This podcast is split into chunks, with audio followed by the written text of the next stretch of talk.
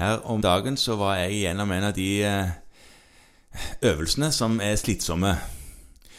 Hvor jeg var nødt til å fortelle en ikke så veldig gammel dame, hun var i 70-årene, at det er nok ikke greit at du kjører bil lenger. Du må levere fra deg sertifikatet. Dette handla om besvimelser Ja. å gjøre. De kom støtt og stadig og brått og uventa. Ja, altså dette var eh, rett og slett en epilepsi som hadde tatt litt av pga. en inoperabel greie oppe i toppen. Oh. Så det var ikke noe å diskutere, liksom. Nei. Men det denne damen sa da, eller ikke på samme konsultasjon, men hun gikk hjem og summa seg, kom tilbake og sa at fordi at hun nå ikke kunne kjøre bil lenger, så kom hun seg jo ikke ut og fra A til B, og der hun ville, og sånt. Så hun sa at nå trengte hun TT-kort. Ja.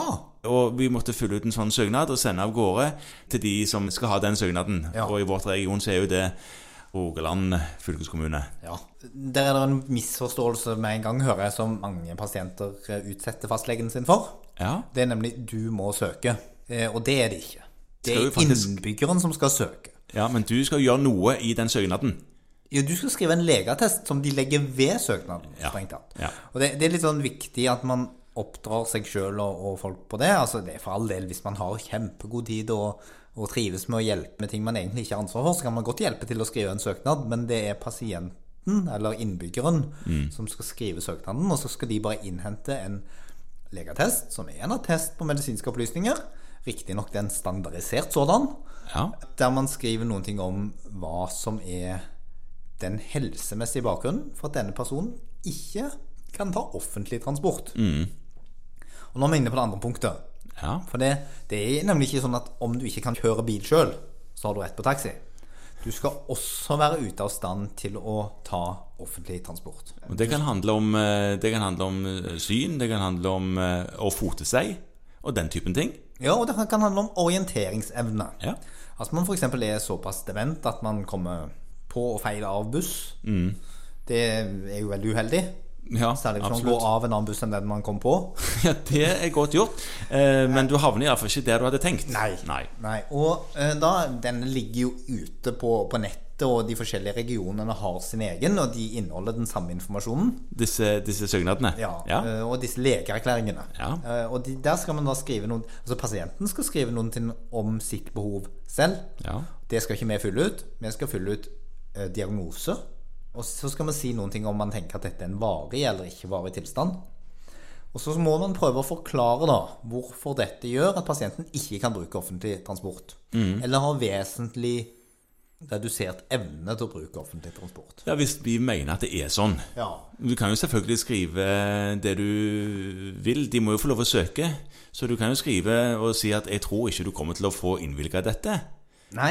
Eh, Men, men det er jo òg noe å si, som òg kan opplyses om, at eh, du som fastlege er ikke den som innvilger, behandler og eventuelt innvilger denne typen ting. Nei. Nei.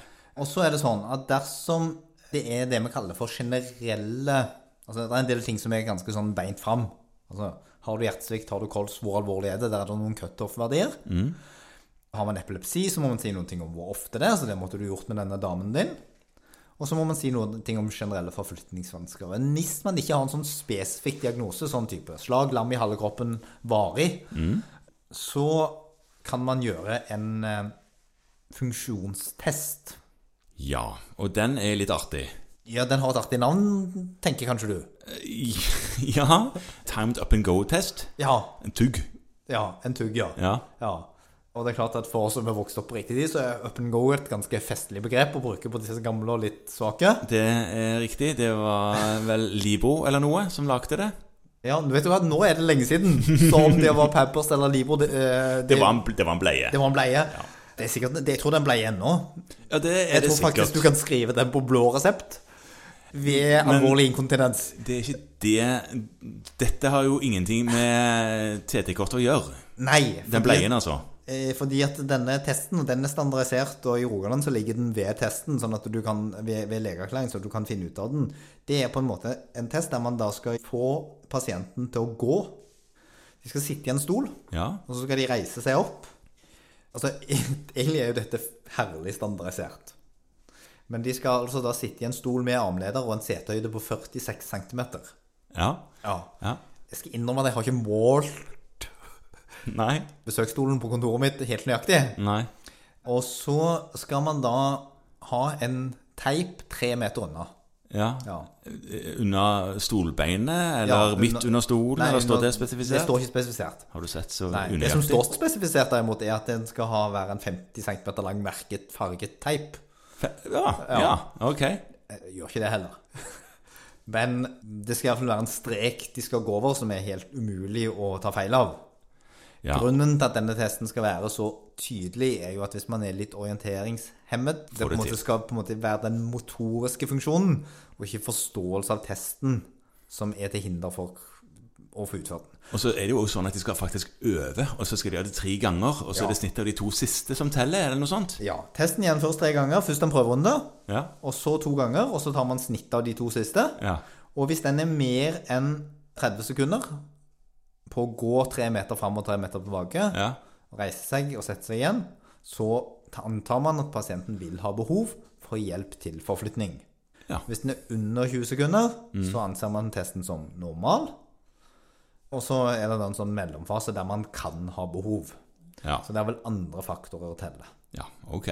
Men da eh, Dette skal inn i legeattesten som du skriver til pasientens søknad om TT-kort. Ja. Og så skal pasienten ta dette med seg.